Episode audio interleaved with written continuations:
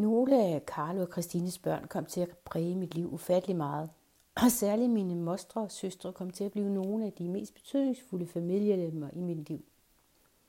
Grete, som er født i 1947, var som ung rejst til Nordsjælland arbejde.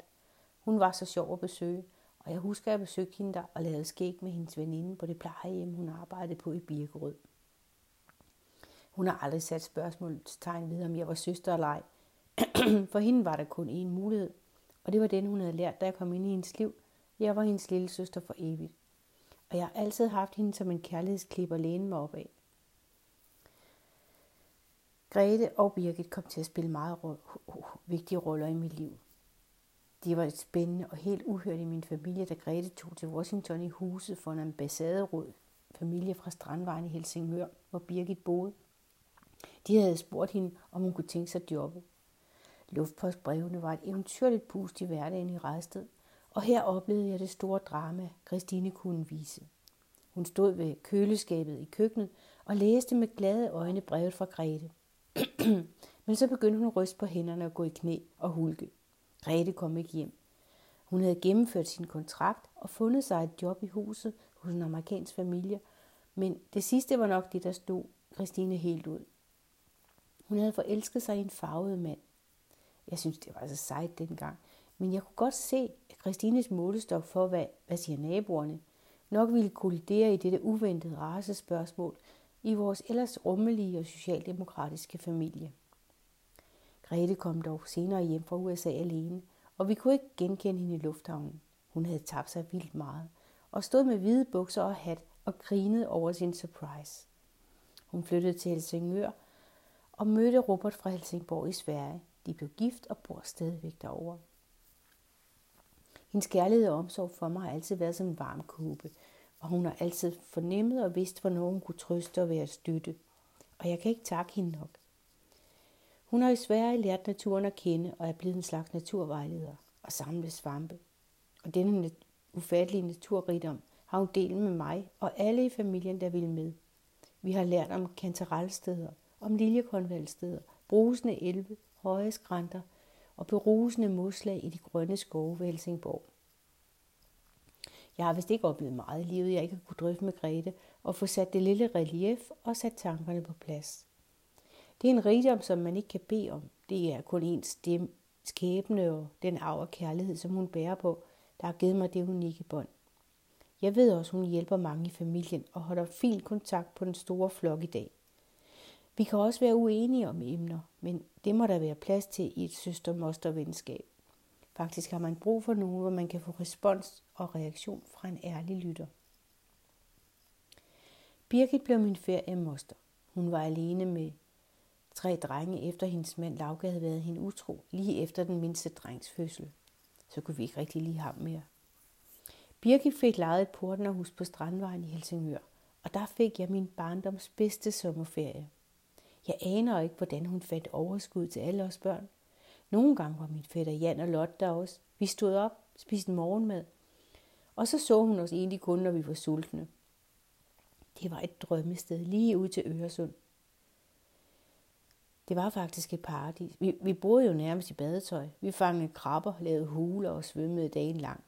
Om aftenen gik vi samtidig en tur og fik lov at bestille en brugstreget isvaffel. Det var dejligt. Grete kiggede forbi, og det var altid sjovt. En gang stod jeg på stranden med en masse fædre og kusiner, der var samlet hos Birgit i forbindelse med et fødselsdag. Vi børn samlede sten og muslingeskaller og lavede en konkurrence om at slå smut med flade sten. Jeg bukker mig, og lige det jeg rejser mig, rammer jeg en pæn, eller rammer en pæn stor sten mig i hovedet. Jeg tager tælling, og blodet siler ned i panden. Sikke et postyr. Afsted til sygehus og blev syet flere sten. I dag ved jeg, at min elskede moster Birgit var alt, alt for flink. Hun sagde ja, når hendes søstre parkerede deres børn hos hende, men jeg har ikke rigtig oplevet det modsatte. Så hun knækkede sammen senere og måtte erkende, at man kan også godt være for stærk som enlig mor uden netværk tæt ved.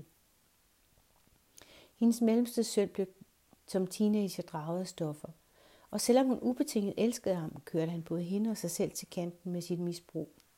Hun prøvede gang på gang at hjælpe ham. Men en dag fik vi den triste og sørgelige besked, at han desværre alt for ung havde taget en overdosis og var død. Birgit er for mig evigt en heldinde, men heldinder skal også have hjælp og støtte. Hendes to sønner hjalp hende og støttede hende som voksne lige indtil hun døde for nogle år siden på et hospice efter en alvorlig cancerdiagnose. Karen, som fik min fætter Jan og Ole, boede ude på landet og var ligesom den kloge søster. Hun havde så meget stil, og fik der også gårdmanden søn Per, som hun giftede sig med. Der havde jeg nogle herlige weekender og besøg.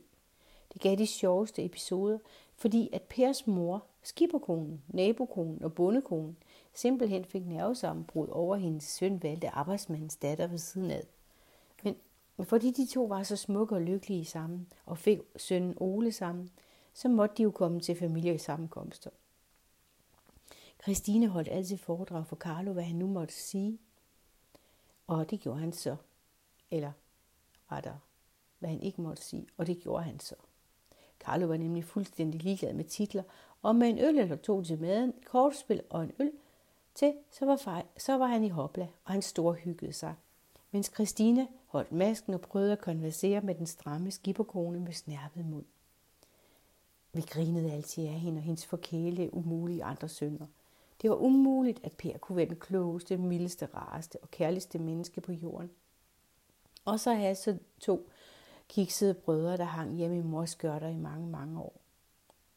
Per elskede også at komme i vores hyggelige familiekaos, som det nu var, når alle strømmede hjem til Bækvejen på fridage. Og Grete fortæller mig, at hun husker en sommerdag, hvor hun stod ude i køkkenet sammen med Christine og smurte smørbrød til omkring 15-16 mennesker. Det var en meget varm dag, og alle begyndte at smide vand på hinanden. De snuppede den. Der var en eller anden, der snuppede den fine glaskande, og alle andre fandt alt, hvad de kunne finde at fylde med vand. Der var råb og grin. Men lige da de store fade med smørbrød var færdige, kom der en helt sø, sø med vand ind igennem køkkenvinduet over alt brød og pålæg. Men så var gode røde dyre, og alt det pålæg, der ikke var blevet vådt, blev rystet og lagt på nyt robrød. De var alle sammen helt færdige af grin. Den fine glaskande var desværre i tusind stømper ude i gården. Garens mand Per kom nu altså dagen efter hjem til mor og far med en ny, fin glaskande. Og smør og pålæg erstattede han også. Christine blev meget rørt over den uventede gestus, og Carlo smilede og nikkede taknemmeligt. Per fik desværre en syste i hjernen i 1977, og efter en kort sygdomsperiode døde han, og Karen stod alene med to drenge i en lille landejendom i Fjelle på Lolland. Hun sørgede for, at de fik smedeuddannelser på Saxkøbing Sukkerfabrik og fandt sig senere en ny mand på Årmø. Men lykkelig som med Per blev hun aldrig, tror jeg. Karen var der jo den dag, Jan fortalte mig sandheden om, at jeg var i familiepleje, og at min mor ikke var min mor. Hun har nu altid været stærk og viljefast, men måske også lidt med til, at min biologiske mor trådte i baggrunden. For Karen gjorde altid det rigtige, og hun og Jytte var som nat og dag, lys og mørk. Hun blev meget vred på mig, da jeg i 1986 skrev digte om at være i pleje, og digte om tilgivelse og forståelse af min mor, Jytte. Karen var skarp i mæle, da hun ringede og skældte mig ud. Hvad ligner det at gøre? Mor og far ked af det. Og ikke så pæne ord om Jytte. Men hun ramte en mur hos mig. Hun ramte modstand. Nej, Karen, jeg ved, du, du gjorde det, fordi du selv troede, at løgnen var det bedste.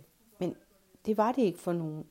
Og selv Christine sad ofte på plejecentret i Kildehuset i sin højeste alder, når jeg besøgte hende, og gentog, hvor er det dog godt for dig og Jytte, at I nu har hinanden. Og det var da den ultimative kærlighedserklæring til os, hendes plejebarn, barnebarn og hendes ældste datter. Så er der Sonja. Hun forkælede mig virkelig meget som lille. Hun fandt sin kærlighed i en norsk matros eller sømand, og han tog hende med på mærskibe i hele verden. Hun sendte altid breve til mig, uanset hvor i verden de gik i land. Jeg fik breve fra Asien på rispapir. Jeg fik japanske kimonoer, flagvimpler fra Nordafrika. Og den første Barbie i Redsted kom i en kasse fra Paris, kun til mig.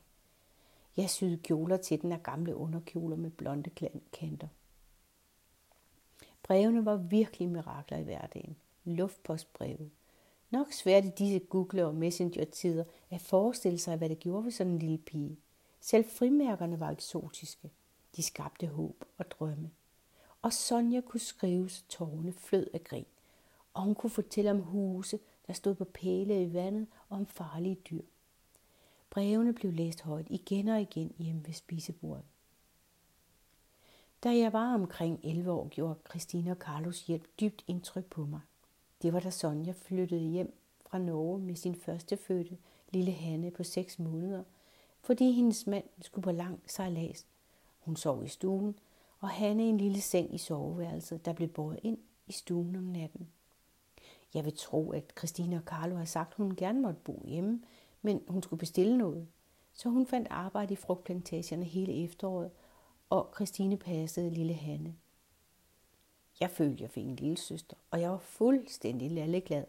Jeg drønede hjem fra skole på cykel og ud og ind og se, om hun sad i gravlegården, og ofte fik jeg lov til at gå tur i barnevognen med hende. Hun var simpelthen den kæreste lille pige, så glad og finurlig. Jeg spekulerede ikke over, hvor længe den lykke skulle vare, så da julen nærmede sig, og vi havde haft nytår, gik det op for mig, at Sonja skulle afsted til Norge igen med min lille Hanne. Det var et meget stort tab og et kæmpe savn. Og selvom vi kom på ferie i Norge efter, var det svært at genskabe den tætte relation. Sonja fik desværre også en alvorlig cancerdiagnose for nogle år siden. Jeg kunne slet ikke fatte det, da jeg fik at vide, at hun havde nogle måneder tilbage at leve i. Og selvom jeg besøgte hende, var det umuligt at få sagt alt det, man havde på hjerte. Det var så smertefuldt at miste Sonja. Jeg savner altid Sonjas glade stemme i røret. For jeg har ofte ringet til hende, når noget var godt, og når livet var svært. Hun havde altid gode råd, og hun kunne sende kram gennem samtalen, så man blev glad. En gang citerede hun John Lennon, og nu er det min frie oversættelse. Livet er, hvad der sker for dig, mens du har travlt med at lave andre planer. Og den samtale betød, at jeg fik gjort noget ved det, der var problemet dengang, dagen efter. Hvis jeg kunne, så ville jeg gerne tale en ekstra gang med Sonja. Der er noget vigtigt, jeg glemte at spørge hende om.